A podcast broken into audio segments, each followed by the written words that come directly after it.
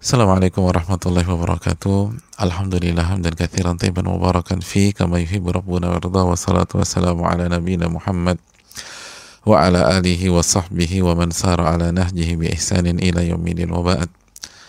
Saudaraku yang Allah muliakan, tidak ada kata yang pantas untuk kita ucapkan pada kesempatan kali ini kecuali bersyukur kepada Allah Subhanahu wa taala atas segala nikmat dan karunia Allah berikan kepada kita sebagaimana salawat dan salam semoga senantiasa tercurahkan kepada Nabi kita Muhammadin Sallallahu Alaihi Wasallam beserta para keluarga, para sahabat dan orang-orang yang istiqomah berjalan di bawah naungan sunnah beliau sampai hari kiamat kelak. Saudaraku yang Allah muliakan, kita meminta kepada Allah Subhanahu wa taala ilmu yang bermanfaat dan kita berlindung kepada Allah Subhanahu wa taala dari ilmu yang tidak bermanfaat. Allahumma inna nas'aluka ilman nafi'an wa na'udzubika min ilmin la yanfa' dan sebagaimana kita meminta kepada Allah taufik agar kita diberikan kekuatan oleh Allah Subhanahu wa taala untuk bisa menjalani ibadah saum dan seluruh rangkaian ibadah di bulan Ramadan 1441 Hijriah ini. Dan semoga Allah Subhanahu wa taala memaafkan segala khilaf kita dan mengampuni segala kesalahan-kesalahan kita. Dan semoga Allah Subhanahu wa taala memberikan kekuatan kepada yang sedang Eh, kesulitan pada kesempatan atau pada Ramadan kali ini dan semoga Allah Subhanahu wa taala memberikan husnul khatimah bagi saudara-saudara kita yang wafat di saat pandemi ini baik karena Covid maupun sebab-sebab yang lain. Amin ya rabbal alamin. Saudaraku yang Allah muliakan, Syahrul Ramadan alladzi unzila fihi al-Qur'an. Bulan Ramadan adalah bulan diturunkannya Al-Qur'anul Karim. Oleh karena itu, sebagaimana yang sudah kita bahas pada pertemuan yang lalu, Nabi kita Shallallahu Alaihi Wasallam selalu meluangkan waktu beliau di setiap hari, tepatnya di setiap malam, untuk mempelajari Al-Quranul Karim dengan malaikat Jibril. Satunya na Nabi dan manusia terbaik, yang salah satunya adalah malaikat terbaik. Mereka berinteraksi dengan Al-Quran di bulan yang begitu istimewa ini. Bayangkan, malaikat terbaik dan manusia terbaik berinteraksi dengan Al-Quran, lalu kita gak punya waktu dengan Al-Quran. Lalu kita dengan segala kebodohan kita menyanyiakan Al-Quranul Karim. Justru kita harus semakin merasa butuh kepada Al-Quranul Karim. Dzalikal kitabul la raiba fi hudalil muttaqin. Kitab ini nggak ada keraguan di dalamnya sebagai petunjuk bagi orang-orang yang bertakwa. Jika kita memasuki Ramadan dengan harapan menjadi orang-orang yang bertakwa, maka petunjuk orang-orang bertakwa adalah Al-Quranul Karim. Dan saudaraku yang Allah muliakan, sebagaimana kita diperintahkan untuk membaca, membaca, dan membaca Al-Quranul Karim. Kita tahu bagaimana para ulama kita benar-benar menghabiskan banyak waktunya untuk membaca dan menghatamkan Al-Quran. Dan nasihat mereka adalah berikan berikan jadwal untuk membaca dan berikan jadwal untuk mengkaji dan mentadaburi Al-Quranul Karim. Maka tidak heran Al-Imam Qatadah sebagaimana beliau punya waktu untuk mengkaji Al-Quranul Karim mengajarkan Al-Quranul Karim. Beliau pun punya waktu untuk menghatamkan Al-Quranul Karim. Dan di bulan Ramadan ini beliau menghatamkan per berapa hari hadirin? Per tiga hari khatam. Tiga hari khatam tiga hari khatam. Berarti kalau sekarang hari kedua beliau sudah memasuki juz yang ke-20 karena setiap hari 10 juz 10 juz 10 juz 10 juz. Dan di akhir Ramadan di 10 hari terakhir beliau membaca satu kali khatam per hari. Allahu Akbar. Satu hari khatam per hari. Dan hadirin yang Allah muliakan saudaraku yang Allah muliakan ketika kita membaca Al-Quranul Karim ketika kita membaca Al-Quranul Karim maka ada sebuah perintah dari Allah Subhanahu wa taala. Allah menyatakan, Allah berfirman kepada kita dalam surat An-Nahl ayat 98, "Fa idza qara'tal Qur'an fasta'idz billahi minasyaitonir rajim." Maka apabila kalian membaca Al-Qur'an, fa idza qara'tal Qur'an, maka apabila Anda membaca Al-Qur'anul Karim, fasta'idz billah maka mintalah perlindungan kepada Allah Subhanahu wa taala. Mintalah perlindungan kepada Allah dari syaitan yang terkutuk. Dari syaitan yang terkutuk. Saudaraku yang Allah muliakan, ini perintah dari Allah Subhanahu wa taala agar kita saat ingin membaca Al-Qur'an maka hendaknya meminta perlindungan kepada Allah Subhanahu wa taala dari syaitan yang terkutuk. Oleh karena itu, sebelum kita mengkaji tafsir surat Al-Fatihah dan surat-surat pendek lainnya, kita akan awali dengan mengkaji makna, hikmah, kandungan dari isti'adah dari isti'adah yaitu ucapan kita a'udzubillahi minasyaitonirrajim. Kita meminta perlindungan kepada Allah Subhanahu wa taala Saudaraku yang Allah muliakan. Dan meminta perlindungan kepada Allah Subhanahu wa taala dari syaitan yang terkutuk. Ini bukan hanya kita ucapkan dan kita lakukan sebelum membaca Al-Quranul Karim.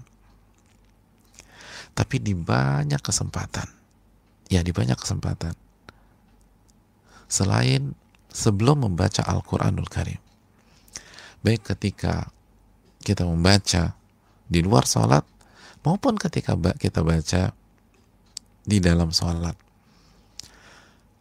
Artinya ada beberapa kesempatan ada beberapa momen, ada beberapa waktu, bahkan banyak waktu. Allah kita Allah perintahkan kita untuk meminta perlindungan dari syaitan yang terkutuk. Dari syaitan yang terkutuk. Saudaraku yang Allah muliakan. Kenapa demikian? Kenapa kita diminta oleh Allah Subhanahu wa taala untuk meminta perlindungan kepadanya dari syaitan yang terkutuk sebagaimana surat An-Nahl ayat 98 di atas padahal kita mau ibadah padahal kita mau beramal soleh kenapa masih minta perlindungan dari syaitan yang terkutuk orang berpikir kalau dia berada pada saat dia mau ibadah dia berada di zona aman ternyata tidak Allah tetap minta kita berlindung kepada Allah dari syaitan yang terkutuk. Saudaraku yang Allah muliakan.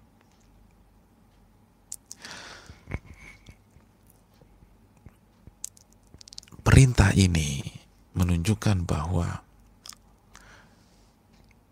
makhluk yang satu ini memang gak main-main. Sampai Allah minta kita secara khusus mintalah perlindungan kepadaku dari setan yang terkutuk. Ini makhluk ini luar biasa. Makhluk ini luar biasa.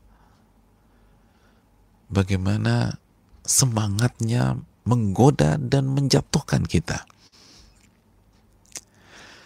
Makhluk ini sangat luar biasa dalam memusuhi kita. Dia benci sekali sama kita. Dia benci sekali sama engkau, wahai saudaraku. Allah menjelaskan tentang makhluk ini dalam surat Fatir ayat 6. Inna syaitana lakum aduun fattakhidhuhu aduwa. Sesungguhnya syaitan adalah musuh kalian. Dia memusuhi kalian. Maka jadikanlah dia musuh. Subhanallah. Allah perintahkan kita untuk memusuhi sebuah pihak.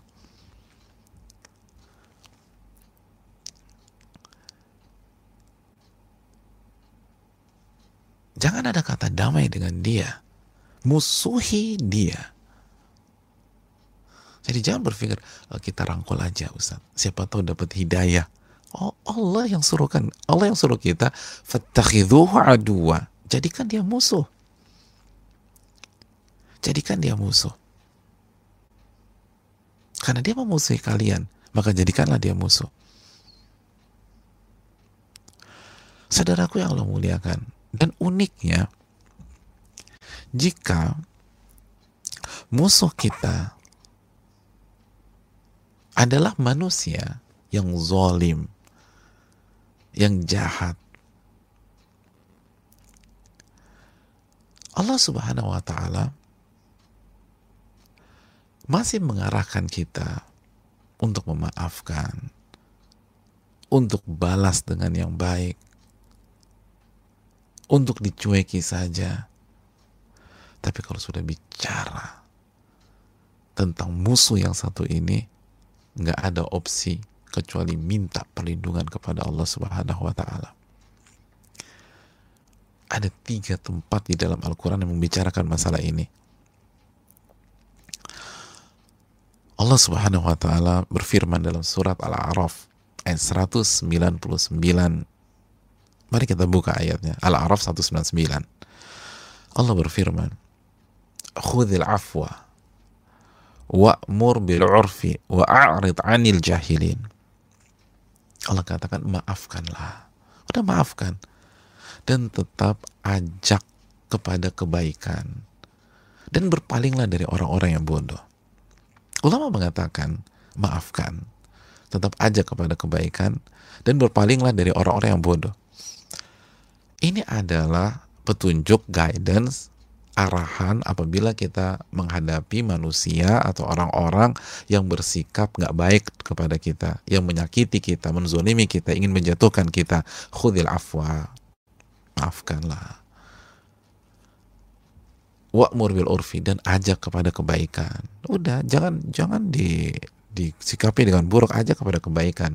Wa'arid anil jahilin dan berpalinglah. Nggak usah direspon, cuekin aja. Tapi menariknya saudaraku yang Allah muliakan. Ayat berikutnya. Mari kita buka ayat berikutnya. Wa imma yanzaghannaka minasyaitani nazgun fasta'idh billah. Innahu sami'un alim dan jika syaitan menggoda Anda, menyerang Anda dengan serangan atau godaan,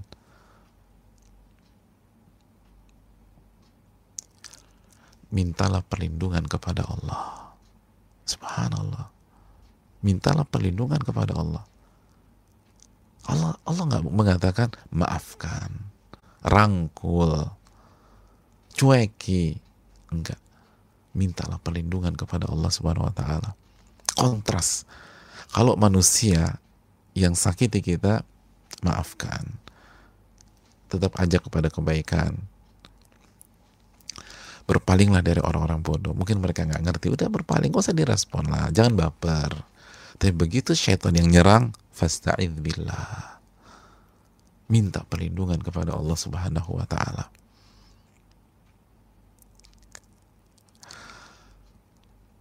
Tempat yang kedua, mari kita buka surat Al-Mu'minun. Ayat 96. Allah Subhanahu wa taala berfirman, "Idfa' billati hiya ahsanus sayyi'ah." Balaslah yang buruk dengan yang baik. Nahnu a'lamu bima yasifun. Kami lebih tahu apa yang mereka lakukan dan apa yang mereka sifati itu. Jadi kalau mereka melakukan keburukan, idfa billati ahsanus sayyi'ah. Balaslah yang buruk dengan yang baik. Jangan jangan balas buruk dengan buruk. Tetap respon dengan yang baik, respon yang baik. Hadirin yang Allah muliakan. Namun begitu yang menyerang dan yang menyerang adalah syaitan ketika kita berhadapan dengan syaitan apa kata Allah? Wa qur rabbi a'udzu bika min hamazati syayatin. Wa a'udzu bika rabbi an yahdurun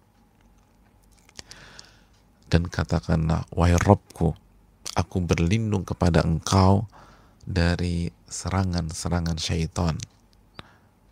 Dan aku berlindung kepada engkau ya Rabbku dari kedatangan-kedatangan mereka Subhanallah. Kalau manusia idfa ahsanus sayyi'ah. Tapi begitu makhluk yang satu ini eh minta perlindungan kepada Rabbmu. Minta perlindungan kepadaku. Hadirin yang Allah muliakan. Cukup sampai sana belum. Terakhir kita buka Fusilat ayat 34, 35, 36. Allah Subhanahu wa taala mengatakan, berfirman kepada kita wala tastawil hasanatu wala sayyi'ah idfa billati ya ahsan. Eh nggak sama antara yang baik dan yang buruk nggak sama. Wala tastawil hasanatu wala sayyi'ah. Eh nggak sama antara perbuatan baik dan perbuatan buruk. Idfa billati ya ahsan. Balaslah perbuatan buruk dengan perbuatan baik. Disuruh balas dengan yang baik sama Allah. Kenapa? Kalau kita disakiti sama manusia, hukum asalnya demikian kecuali ada pengecualian-pengecualian ya. Likuli qaidatin mustathniyat kata para ulama. Setiap kaidah umum ada anomali atau pengecualian. Tapi hukum asalnya disakiti balas dengan yang baik. Lalu apa yang terjadi ketika musuhnya syaitan? Fa idzal ladzi bainaka wa bainahu ada maaf kita lanjutkan lagi. Kalau manusia itu ladzi bainaka wa bainahu adawatun ka'annahu waliyun hamim. Karena bisa jadi yang hari ini jadi musuh Anda itu kalau Anda baiki besok jadi sahabat akrab Lalu kata wa wa. Memang berat, tapi nggak akan ada yang bisa melakukannya kecuali orang-orang yang sabar dan tidak ada yang bisa melakukannya kecuali orang yang akan menjadi penghuni surga. Nah, setelah menghadapi manusia kembali Allah mengajak kita berbicara jika yang kita hadapi makhluk yang bernama syaitan ini. Wa imma yanzaghannaka minasyaitani nazgun dan apabila syaitan menyerang Anda dengan serangan fasta'idz billah maka mintalah perlindungan kepada Allah. Subhanallah. Mintalah perlindungan kepada Allah. Mintalah perlindungan kepada Allah. Lihat tiga tempat tiga tempat dalam surat Al-A'raf. Al-Mu'minun fusilat. Dan kontras. Allah jelaskan dua musuh. Yang satu dari manusia balas dengan yang baik. Idfa billati ya ahsanu sayyi'ah. Idfa billati ya ahsan. Khudil afa wa'mur bil urfi wa a'rid anil jahilin. Balas dengan yang baik. Maafkan. Nggak usah pedulikan. Jangan baper. Tapi begitu menghadapi syaitan fasta'idz billah fasta'idz billah fasta'idz billah minta perlindungan kepada Allah. Minta perlindungan kepada Allah. Minta perlindungan kepada Allah. Saudaraku yang Allah muliakan termasuk ketika kita ingin beribadah termasuk ketika kita ingin membaca Al-Quran. Karena ini musuh luar biasa. Musuh ini sangat-sangat jagonya luar biasa Karena itu kita mau faida qara'tal Quran fasta'idz billahi minasyaitonir rajim. Kalau Anda ingin baca Al-Quran, maka mintalah perlindungan kepada Allah. Kenapa pertanyaan saya Kenapa kita tidak dipersilakan untuk menghadapi syaitan tersebut? Kenapa Allah nggak katakan serang dia, lawan, banting, atau kitik-kitik? Gak ada. Disuruh diserang tuh gak ada. Fasta'id billah. Minta perlindungan kepada Allah. Minta perlindungan kepada Allah. Minta perlindungan kepada Allah.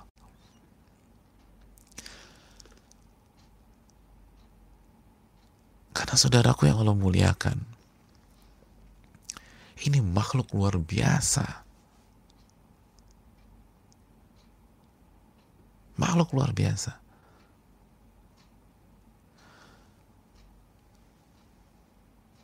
Dan tidak berbelas kasihan kepada kita. Sekali lagi, kalau kita disuruh minta perlindungan, kira-kira kita lawannya atau bukan? Kita lawannya atau bukan? Allah mengatakan, minta perlindungan kepada saya. Minta perlindungan kepada Allah. Itu kan pesan kepada kita. Bahwa kita nggak bisa ngadepin dia sendirian kita nggak bisa menghadapi dia dengan otak kita, dengan pikiran kita. Secerdas apa pun kita nggak bisa ngadepin dia. Kalau bisa Allah sudah kasih lampu hijau, lawan. Jangan mau kalah. Masa kalah? Lawan dong. Gak, gak ada. Gak ada perintah seperti itu. Fasta'idh billah. Minta pertolongan kepada Allah.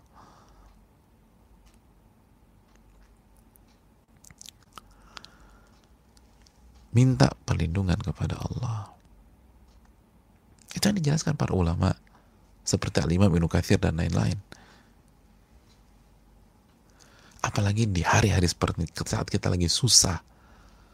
Banyak di antara kita di PHK, usaha harus gulung tikar, ada yang dirumahkan, nggak ada uang.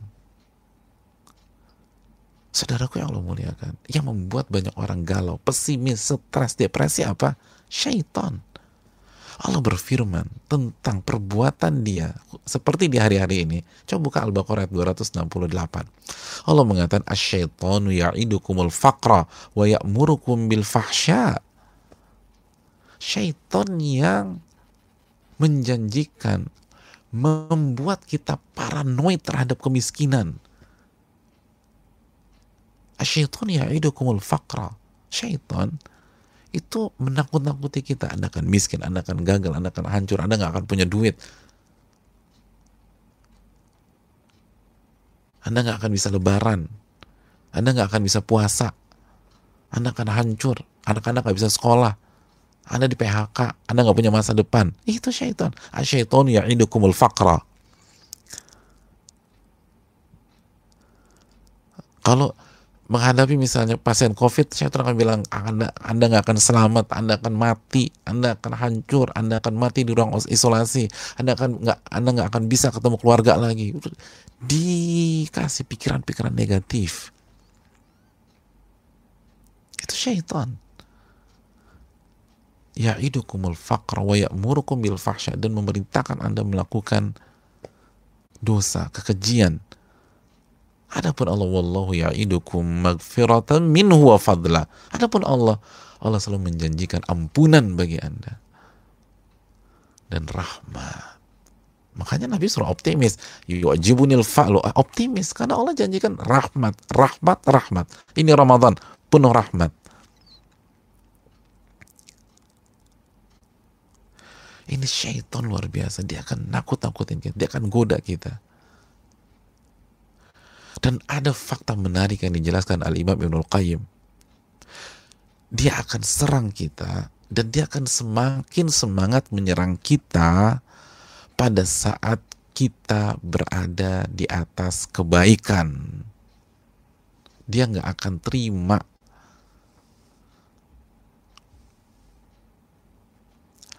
Kata Imam Ibnu Qayyim, in anna syaitan ahras ma yakunu 'ala al-insan indama yahumu bil khair. Syaitan itu paling berambisi menggoda manusia, menjatuhkan manusia ketika manusia berniat melakukan kebaikan. Au yadakhulu fi atau seorang manusia masuk ke dalam kebaikan. Berhijrah, ngaji, berubah. Oh, itu gangguan bukan berhenti, tambah semangat fahuwa yashtaddu alaih. Maka dia semakin gencar menyerang. Semakin gencar menyerang. Itu konklusi kesimpulan para ulama. Makanya ketika kita ingin baca Al-Quran kita disuruh meminta perlindungan kepada Allah dari godaan dia. Ketika kita mau sholat setelah kita baca doa iftitah atau istiftah berikutnya apa? A'udzubillahi minasyaitonirrajim. Karena dia semakin menjadi-jadi ketika kita kembali kepada Allah ketika kita beribadah, ketika kita ingin berubah, ketika kita ingin taubat, ketika kita ingin belajar, ketika kita ingin menuntut ilmu, ketika kita ingin mengamalkan, ketika kita ingin membuat sebuah hal besar dalam kebaikan. Oh, dia nggak mau terima. Dia cerdas. Dia harus gagalin nih. Adapun yang maksiat-maksiat, tensi serangannya tidak terlalu sesemangat kalau kita beribadah. Makanya apa dikatakan Abdullah bin Abbas dalam sebuah riwayat? Diriwayatkan Abdullah bin Abbas kedatangan seseorang. Kedatangan seseorang. Orang itu melihat sekelompok yang melakukan kesyirikan. Kok khusyuk banget? Kok bisa nangis gitu loh? Kok bisa syahdu? Sedangkan saya kalau baca Quran, kalau ibadah kayak sholat, kok susah banget khusyuknya Apa dia yang salah? Kok mereka bisa khusyuk begitu? Padahal jelas kesyirikan. Apa kata Abdullah bin Abbas? Lihat, ulama. Nikmat turjumanil Quran Abdullah bin Abbas. Sebaik-baik pentafsir Al-Quran Abdullah bin Abbas. Kata Abdullah bin Abbas begini. Mada yaf'alu lissu fil baitil kharib. Apa yang mau dikerjakan dan apa yang mau diambil oleh perampok atau maling di rumah yang kosong di rumah yang sudah reot dan tinggal nunggu rubuh aja. Mau ngapain? Ya nggak usah nggak usah diambil, nggak ada gunanya, nggak ada isinya tuh rumah. Apa maksudnya? Analogi. Rampok atau maling itu adalah syaitan. Rumah yang reot, nggak ada isinya itu orang-orang melakukan kesyirikan. Mau digoda apa lagi? Nggak perlu digoda, udah selesai yang harus dihabisi, yang harus digoda secara besar-besaran itu yang rumah penuh dengan keimanan yang mau hijrah, yang mau bertobat, yang mau jadi orang baik, yang mau berubah, itu yang harus digoda. Oleh karena itu, saudaraku yang Allah muliakan, amalkan perintah Allah Subhanahu wa taala. Minta perlindungan kepada Allah Subhanahu wa taala. Saudaraku yang Allah muliakan, fa idza qara'tal Qur'an fasta'id billah minasyaitonir rajim. Maka apabila Anda ingin membaca Al-Qur'an, maka mintalah perlindungan kepada Allah dari syaitan yang terkutuk. An-Nahl ayat 98. Maka jika kita ingin membaca Al-Qur'anul Karim, di bulan Ramadan. Atau ketika kita sholat kita takbiratul ihram kita baca doa iftitah lalu sebelum al-fatihah kita baca a'udzubillahi minasyaitonirrajim poin yang berikutnya saudaraku yang Allah muliakan.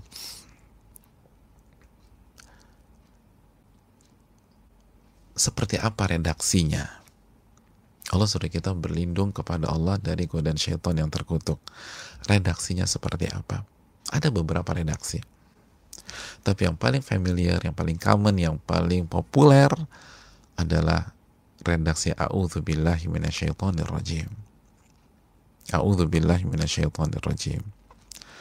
Sebagaimana redaksi dalam surat An-Nahl ayat 98 tersebut. Fasta'id billahi minasyaitonir rajim dan juga terdapat dalam hadis Nabi Shallallahu Alaihi Wasallam. Dan inilah redaksi yang dipilih oleh mayoritas ulama Al-Qurra seperti Ibnu Ibnu Kathir, Asim dan lain-lain. Dan juga dari sahabat seperti Umar bin Khattab radhiyallahu taalaan, Ibnu Umar dan imam-imam kita seperti Al-Imam Abu Hanifah, Imam Ash-Syafi'i, dan riwayat dari Imam Ahmad. Wallahu taala alam bisawab. Jadi redaksinya adalah a'udzubillahi minasyaitonirrajim. Dan beberapa redaksi lain yang tidak mungkin kita ulas di kesempatan yang singkat ini. Yang terpenting kita ambil satu redaksi yang jelas-jelas valid dan yang dipilih oleh para ulama-ulama besar seperti tadi Al-Imam Abu Hanifah, Imam Ash-Syafi'i, riwayat Imam Ahmad, dipilih oleh Ibnu Umar, dipilih oleh Umar bin Khattab, lalu dari uh, dari kalangan al-qurra seperti al-Imam Ibnu Katsir dan al-Imam Asim Allah taala misawab Hadirin Allah oleh karena itu bacalah a'udzubillah minasyaitonirrajim sebelum kita baca Al-Qur'an. Sebelum kita membaca Al-Qur'anul Karim. Baik di luar sholat maupun di dalam sholat setelah doa istiftah atau iftitah sebelum masuk ke Al-Fatihah. Sebelum masuk ke Al-Fatihah. Dan apabila di dalam sholat kita baca sir, kita baca sir. Kita membacanya sir. Dan ini adalah keterangan dari para sahabat dan empat uh, imam madhab.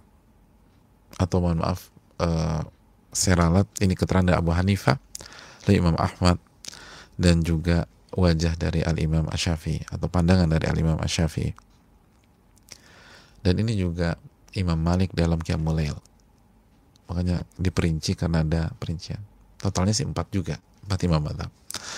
Uh, dan ini juga keterangan Abdullah bin Mas'ud Abdullah bin Umar dan lain-lain. Jadi ketika kita membaca. Di saat kita sholat kita membacanya sir bukan dikeraskan. Dan saya rasa sudah jelas ya. Adapun ketika kita baca di luar sholat di luar sholat dan kita membacanya jahar dikeraskan maka isti'adahnya pun juga dikeraskan. Jadi kalau kita baca keras di luar sholat maka isti'adahnya a'udzubillah minasyaitonirrajim pun dikeraskan dan ini keterangan dari Ibnu Umar, Abu Hurairah, atau bin Abi Rabah dan para ulama-ulama yang lain. Dan ini juga pandangan Al-Imam Asy-Syafi'i rahimahullahu taala. Hadirin yang Allah muliakan.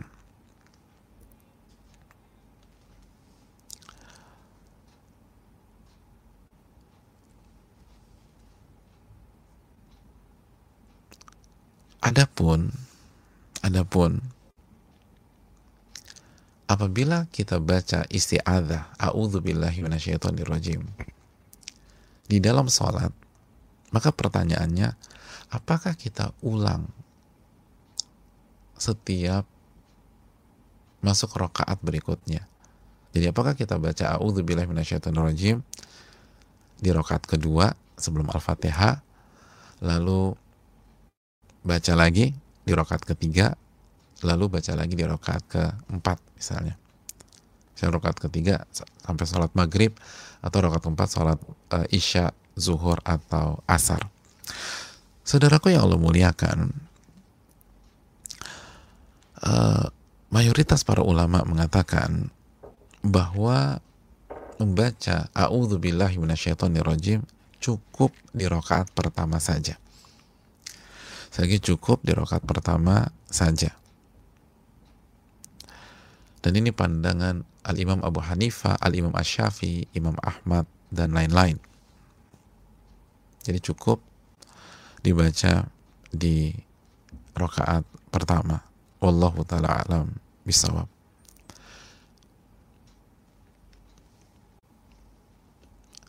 Jadi kita baca di rokaat pertamanya.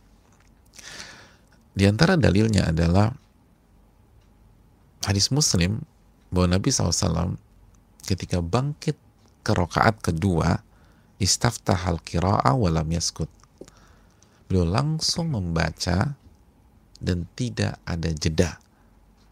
Nah kalimat tidak ada jeda dan kita jelaskan tadi bahwa isti'adzah atau a'udzubillahi minasyaitonir dibaca secara sir secara lirih tidak dikeraskan itu menunjukkan bahwa di rokat kedua dan seterusnya kita tidak membaca A'udzubillahi minasyaitonirrajim. Karena walam yaskut beliau tidak diam. Artinya beliau tidak ada jeda langsung masuk ke bacaan di rokat kedua. Wallahu ta'ala alam bisawab. Hadirin Allah muliakan maka baca baca dan baca Tapi timbul pertanyaan. Kenapa ya? Saya udah baca A'udzubillah rajim tapi tetap susah khusyuk ketika sholat. Saya sudah baca A'udzubillah rajim ketika saya baca Quran menge mengejar hataman di Ramadan tapi pikiran saya blank baca sih mulut lancar baca, tapi pikiran menerawang. Pikiran menerawang. Saudaraku yang Allah muliakan.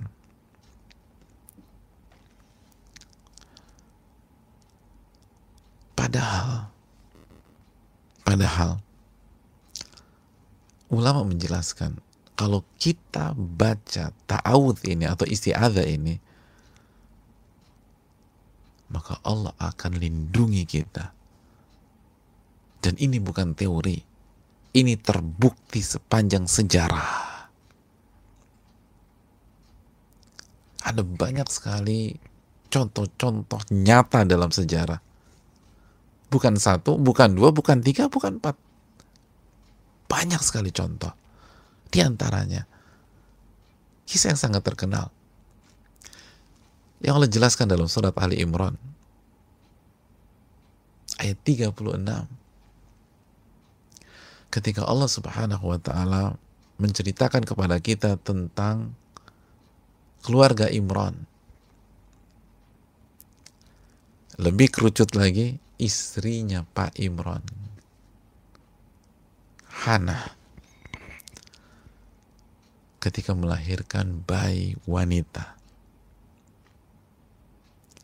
apa kalimat yang beliau ucapkan?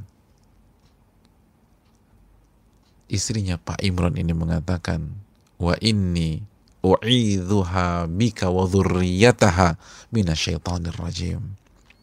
Dalam surat Ali Imran ayat 36.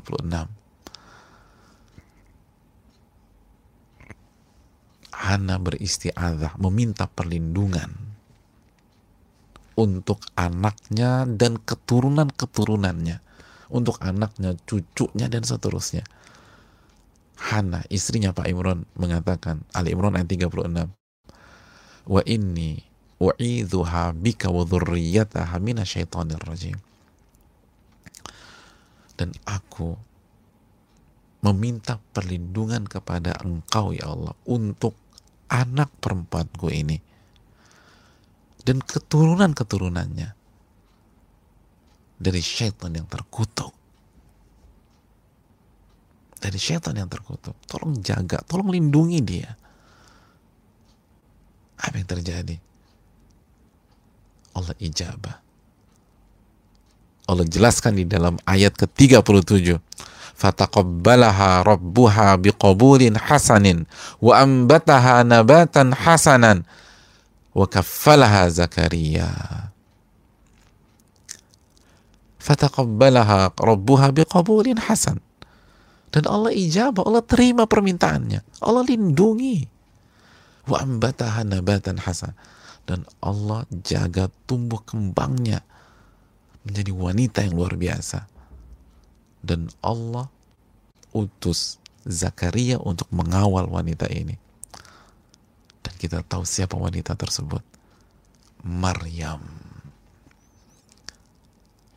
wanita yang kata Nabi SAW sempurna, sempurna, perfect. Dan bukan hanya Maryam yang Allah jaga, dari rahim Maryam lahirlah Nabi yang sangat kita kagumi dan kita cintai, Nabi Isa alaihi salam. Allahu Akbar. Persis seperti permintaan Hana, istrinya Pak Imran wa inni u'idhuha. Ya Allah aku meminta perlindungan kepada engkau untuk anak perempuanku ini untuk Maryam. Titik sampai di sini enggak? Wa dan keturunannya Isa. Nabi Isa alaihissalam diijabah sama Allah. Dikabulkan sama Allah tapi pertanyaannya, kenapa kita nggak dikabulkan sama Allah? Kenapa kita ratusan kali, ribuan kali membaca A'udhu billahi minasyaitonir rajim. A'udhu billahi minasyaitonir rajim. Tapi tetap diganggu, diganggu dan diganggu oleh syaitan. Saudaraku yang Allah muliakan. Kesalahannya bukan pada kalimatnya kesalahannya ada pada diri kita. Nabi kita Shallallahu Alaihi Wasallam bersabda dalam hadis Tirmidzi, "Udullah wa antum muqinuna bil ijabah wa'lamu anna Allah la yasta la yastajibu du'aan min qalbin ghafirin lahin." Berdoalah kepada Allah dalam kondisi kalian yakin akan dikabulkan sama Allah. Dan ketahuilah, Allah tidak akan mengabulkan doa yang dipanjatkan dari hati yang lalai dan tidak fokus. Doa yang dipanjatkan dari hati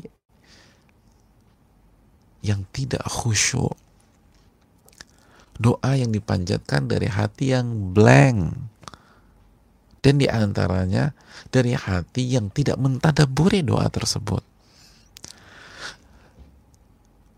apalagi dari hati yang gak ngerti apa inti dari kalimat itu apa makna dari kalimat tersebut Nabi SAW sudah mengatakan ketahuilah Allah gak akan terima doa yang dipanjatkan dari hati yang gak ngerti yang gak fokus yang gak konsen yang lalai kenapa isti'adah atau permintaan perlindungannya Hana diijabah sama Allah. Maryam dikawal, dilindungi. Bahkan yang mengawal langsung Allah tugaskan Nabi. Sedangkan kita nggak dikabulkan sama Allah Subhanahu wa taala. Karena kita nggak ngerti maknanya. Kita nggak paham. Saudaraku yang Allah muliakan. Oleh karena itu, Gak cukup hanya mengucapkan minasyaitonirrajim. Kita harus meresapi apa minasyaitonirrajim. Apa maksud aku meminta perlindungan kepada Allah dari godaan atau dari syaitan yang terkutuk. Saudaraku yang Allah muliakan. A'udhu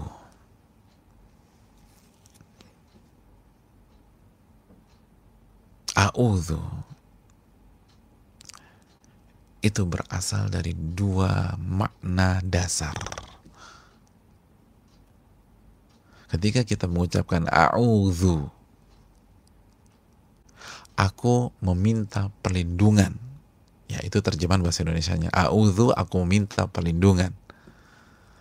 Tapi, mengertikah kita apa kandungan dan makna terdalamnya?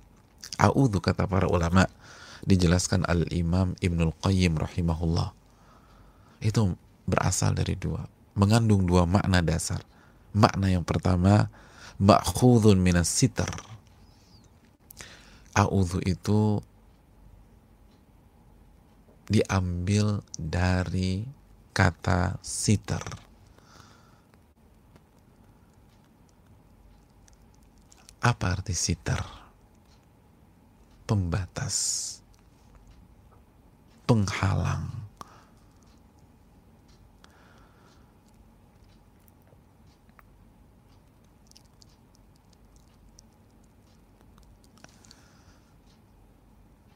Maka orang yang mengucapkan a'udzu billahi rajim aku berlindung kepada Allah dari godaan atau dari syaitan yang terkutuk.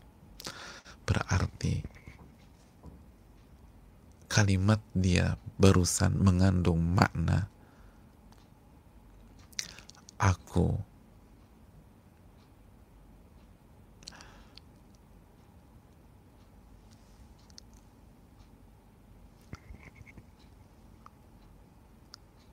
istataro yastatiru apa tadi sitar artinya hadirin? Pem, pembatas. Tabir. Jadi kita meminta kepada Allah.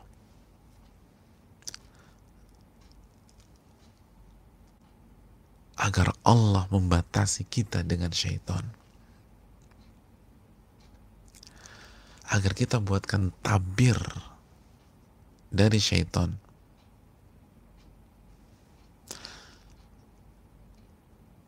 Yang namanya tabir, sitar, pembatas.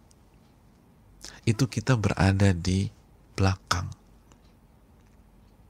Di baliknya. Di baliknya.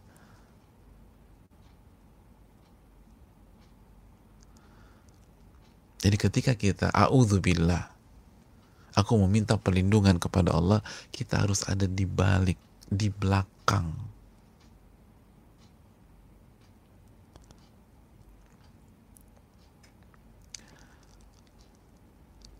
Allah Subhanahu wa taala.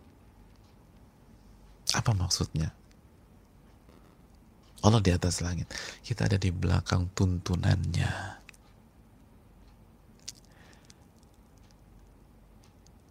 Tidak maju ke depan. Karena begitu kita melewati tuntunan dan aturannya langsung berhadapan dengan syaitan. Karena siternya aturan-aturan Allah tersebut. Itu yang memisahkan kita dengan syaitan. Itu yang membatasi kita atau yang memisahkan kita dengan syaitan begitu kita maksiat, begitu kita langgar, maka langsung berhadapan dengan syaitan.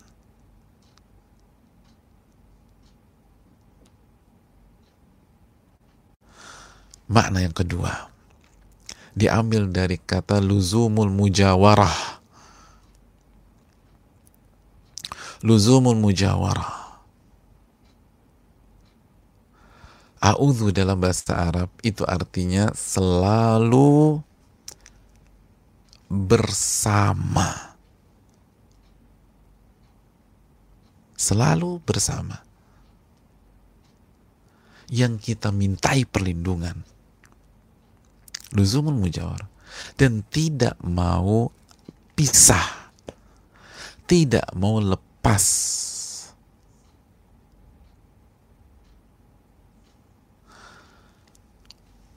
tidak mau lepas. Tidak mau menjauh. Lepas aja nggak mau apalagi menjauh.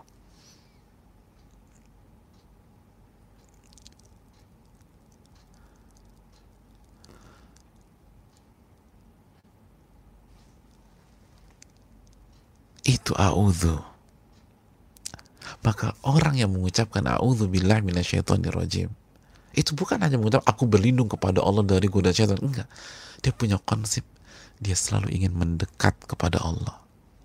Mendekat mendekat mendekat. Makanya a'udhu itu al-taji'u.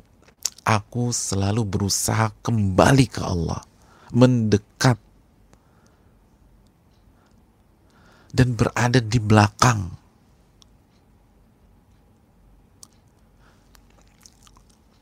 karena sitter berada di belakang dan nggak mau pisah. Pengennya nempel terus. Luzumul mujawarah. Pernah lihat anak kecil harus cabut gigi susunya? Kita tahu salah satu momok yang sangat menakutkan, menakutkan bagi anak-anak kecil adalah dokter gigi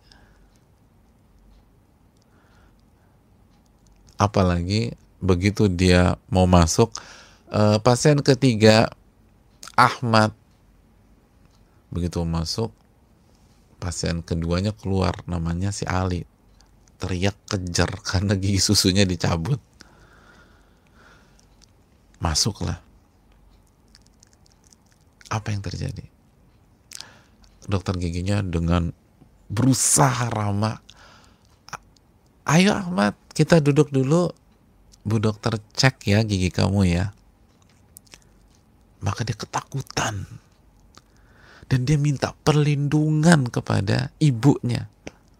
Dia minta perlindungan. Dan semak dan begitu dokternya berdiri ingin menggapai dan merangkulnya dia semakin ketakutan. Dan dia minta perlindungan kepada ibunya karena cuma ada ibunya. Saya ingin tanya ketika si kecil Ahmad ini minta perlindungan ke ibunya. Misalnya ini mana ya? Ini dokter. Ini Ahmad. Ini ibu. Kira-kira Ahmad itu cari posisi di mana? Di antara ibu dan dokter? Enggak. Kalaupun kondisinya begitu dia akan ke belakang ibunya. Dia akan ke belakang ibunya dia nggak mau di depan ibunya. Karena begitu depan ibunya ini dokter gigi di depannya. Dia akan mundur ke belakang. Itu sitter. Minta perlindungan. Orang yang minta perlindungan posisinya di belakang. Bukan di depan. Bahkan nggak di samping. Dia akan cari di belakang. Bahkan dia ngumpet di balik tubuh ibunya. Dia ngumpet. Dia ngintip begitu. Dokternya mana tuh? Ngintip lagi ke kanan. Dokternya dokternya ke kiri dia balik ke dia cari ke kanan. Dokternya ke kanan dia geser ke kiri. Dia jadikan tubuh ibunya sebagai sitter pembatas antara dia dengan dokter. Itu auzubillah itu auzubillah di belakang. Di belakang perintah-perintah Allah itu poin. Di belakang larangan-larangan Allah. Nggak diloncatin di belakang aturan Allah itu auzu Adapun kita cuma bicara, Adapun kita cuma mengucap auzubillahi minasyaitonirrajim, tapi sehari-hari masih ngelanggar, masih bermaksiat, masih ngomongin orang,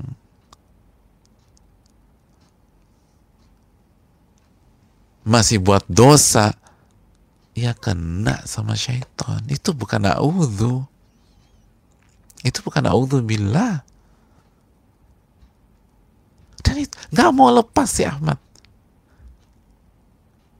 Ada di belakang dan dia akan pegangin ah, ibunya. Dia nggak mau dia nggak mau lepas, dia nggak mau menjauh. Dia selalu di belakang, di belakang. Itu a'udhu, luzumul mujawarah. Itu hakikat dari a'udhu billahi minasyaitonir rajim. Jadi jangan berharap banyak sholat bisa khusyuk. Walaupun kita sudah baca rajim kalau kita menjauh dari Allah di luar sholat kita sebelum atau setelah sholat kita orang yang dijaga oleh Allah ketika baca Al-Quran ketika sholat atau dalam kondisi-kondisi lain dari godaan syaitan adalah orang yang berusaha mendekat, mendekat, mendekat, mendekat dan nggak mau berpisah. Karena begitu dia sudah dekat dia nggak mau pisah. Begitu dia sudah hijrah dia nggak mau balik lagi. Begitu dia sudah katakan saya nggak mau makan uang haram, dia nggak akan kembali ke uang haram itu lagi. Karena dia tahu begitu dia ambil uang haram, saya menjauh dari Allah. Begitu saya menjauh, kena sama syaitan. Kena sama syaitan. Bahkan saudaraku yang Allah muliakan, Al-Imam Ibnul Qayyim sampai memberikan analogi seorang anak yang berhadapan dengan musuhnya. Seorang anak yang berhadapan dengan musuhnya. Mungkin dia ketemu preman yang mau malak dia kalau bahasa kita dan ngincar dia, maka dia akan lari sekenceng-kencengnya. Dia cari ayahnya. Dan begitu lihat dia lihat ayahnya, larinya semakin kencang menuju ayahnya tersebut. Maka begitu dia sampai ke ayahnya, dia pegang ayahnya sekuat tenaga dan dia berada di belakangnya dia berharap ayahnya yang berhadapan sama preman tersebut. Itulah yang harus dibuktikan seorang hamba ketika mengucapkan a'udzubillah rajim dia harus kembali kepada Allah bangkit balik ke Allah lagi kembali kembali ke Allah dekati Allah lagi mendekat kepada Allah lagi mendekat kepada Allah lagi. Bahkan haroba Imam Ibnu Qayyim menggunakan kalimat lari tuh ke Allah. Lari. Bukan bukan jalan pelan, lari. Begitu sampai pegang erat-erat. Pegang. Pegang tuntunan Allah dan Rasulnya SAW. Pegang sunnah Nabi SAW. Itu kalau kita mau dijaga dan dilindungi sama Allah. Adapun kalau cuma ucapan lisan, Nabi yang sudah mengatakan wa'lamu annallaha la yastajibu du'aan min qalbin ghafilin lahin. Ketahuilah Allah gak akan terima doa permintaan perlindungan dari hati yang lalai dan tidak mengerti apa makna dari a'udzubillah minasyaitonir rajim. Ini bukan tentang a'udzubillah minasyaitonir rajim. Ini tentang di mana posisi kita dalam kehidupan kita melangkahi Allah atau di belakang agama Allah Subhanahu wa taala. Ini bukan tentang mengucapkan auzubillah minasyaitonir dengan lisan. Ini tentang mendekat kepada Allah atau Anda memilih menjauh dari Allah. Dan begitu Anda sudah dekat, apakah Anda akan berpegang teguh dengan tali Allah atau Anda sia-siakan dan akhirnya Anda menjauh lagi dari tali Allah tersebut. Itulah a'udzubillah minasyaitonirrajim. Itu kunci kenapa isti'adzah ucapan Hana istri dari Pak Imron diijabah sama Allah. Karena Hana bukan ucap bukan mengucapkannya hanya dengan lisan tapi dengan hati yang komitmen kembali kepada Allah. Makanya istrinya Pak Imron itu nadarnya apa? Beliau tuh udah niatkan kalau anak saya lahir awalnya kan beliau ingin anak laki-laki. Anak saya lahir saya saya bernazar. Saya akan biarkan anak saya tumbuh kembang untuk berkhidmat di Masjidil Aqsa di Betul Maqdis. Itu kurang hebat apa pengorbanan ibu? Ibu mana yang siap begitu anaknya lahir ditaruh di masjid? Udah biar ngabdi layani itu jamaah. Itu Hana. Subhanallah. Ya wajar begitu sekali baca wa inni uidhuha bika wa minasyaitonir rajim. Diijabah sama Allah. Karena mendekat mendekat dan mendekat kepada Allah dan berani berkorban berani berjuang. Oleh karena itu saudaraku tidak ada alasan untuk tidak kembali kepada Allah. Walaupun di saat-saat yang sulit ini. Kembali kepada Allah. Mendekat kepada Allah. Jangan jauh-jauh dari Allah. Kalau kita ingin aman. Tadi kita sudah bahas. Al-Baqarah ayat 268. Wasyaitonu ya'idukumul faqra. Syaitan itu menjanjikan dan menakut-nakutin Anda hidup dalam kondisi miskin. Gak punya apa-apa. Membunuh harapan kita.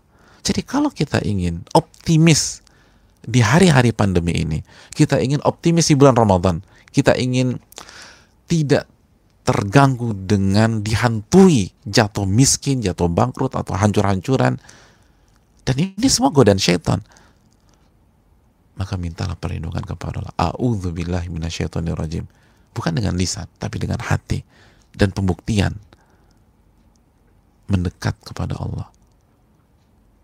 Lalu pegang tali Allah dan pertanyaan di mana posisi Anda? Di belakang agama Allah Subhanahu wa taala.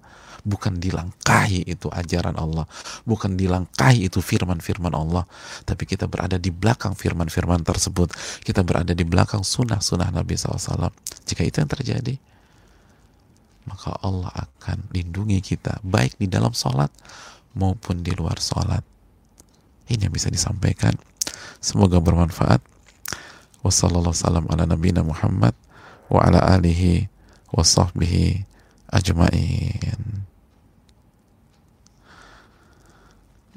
Coba kita lihat apakah masih ada waktu untuk sesi tanya jawab.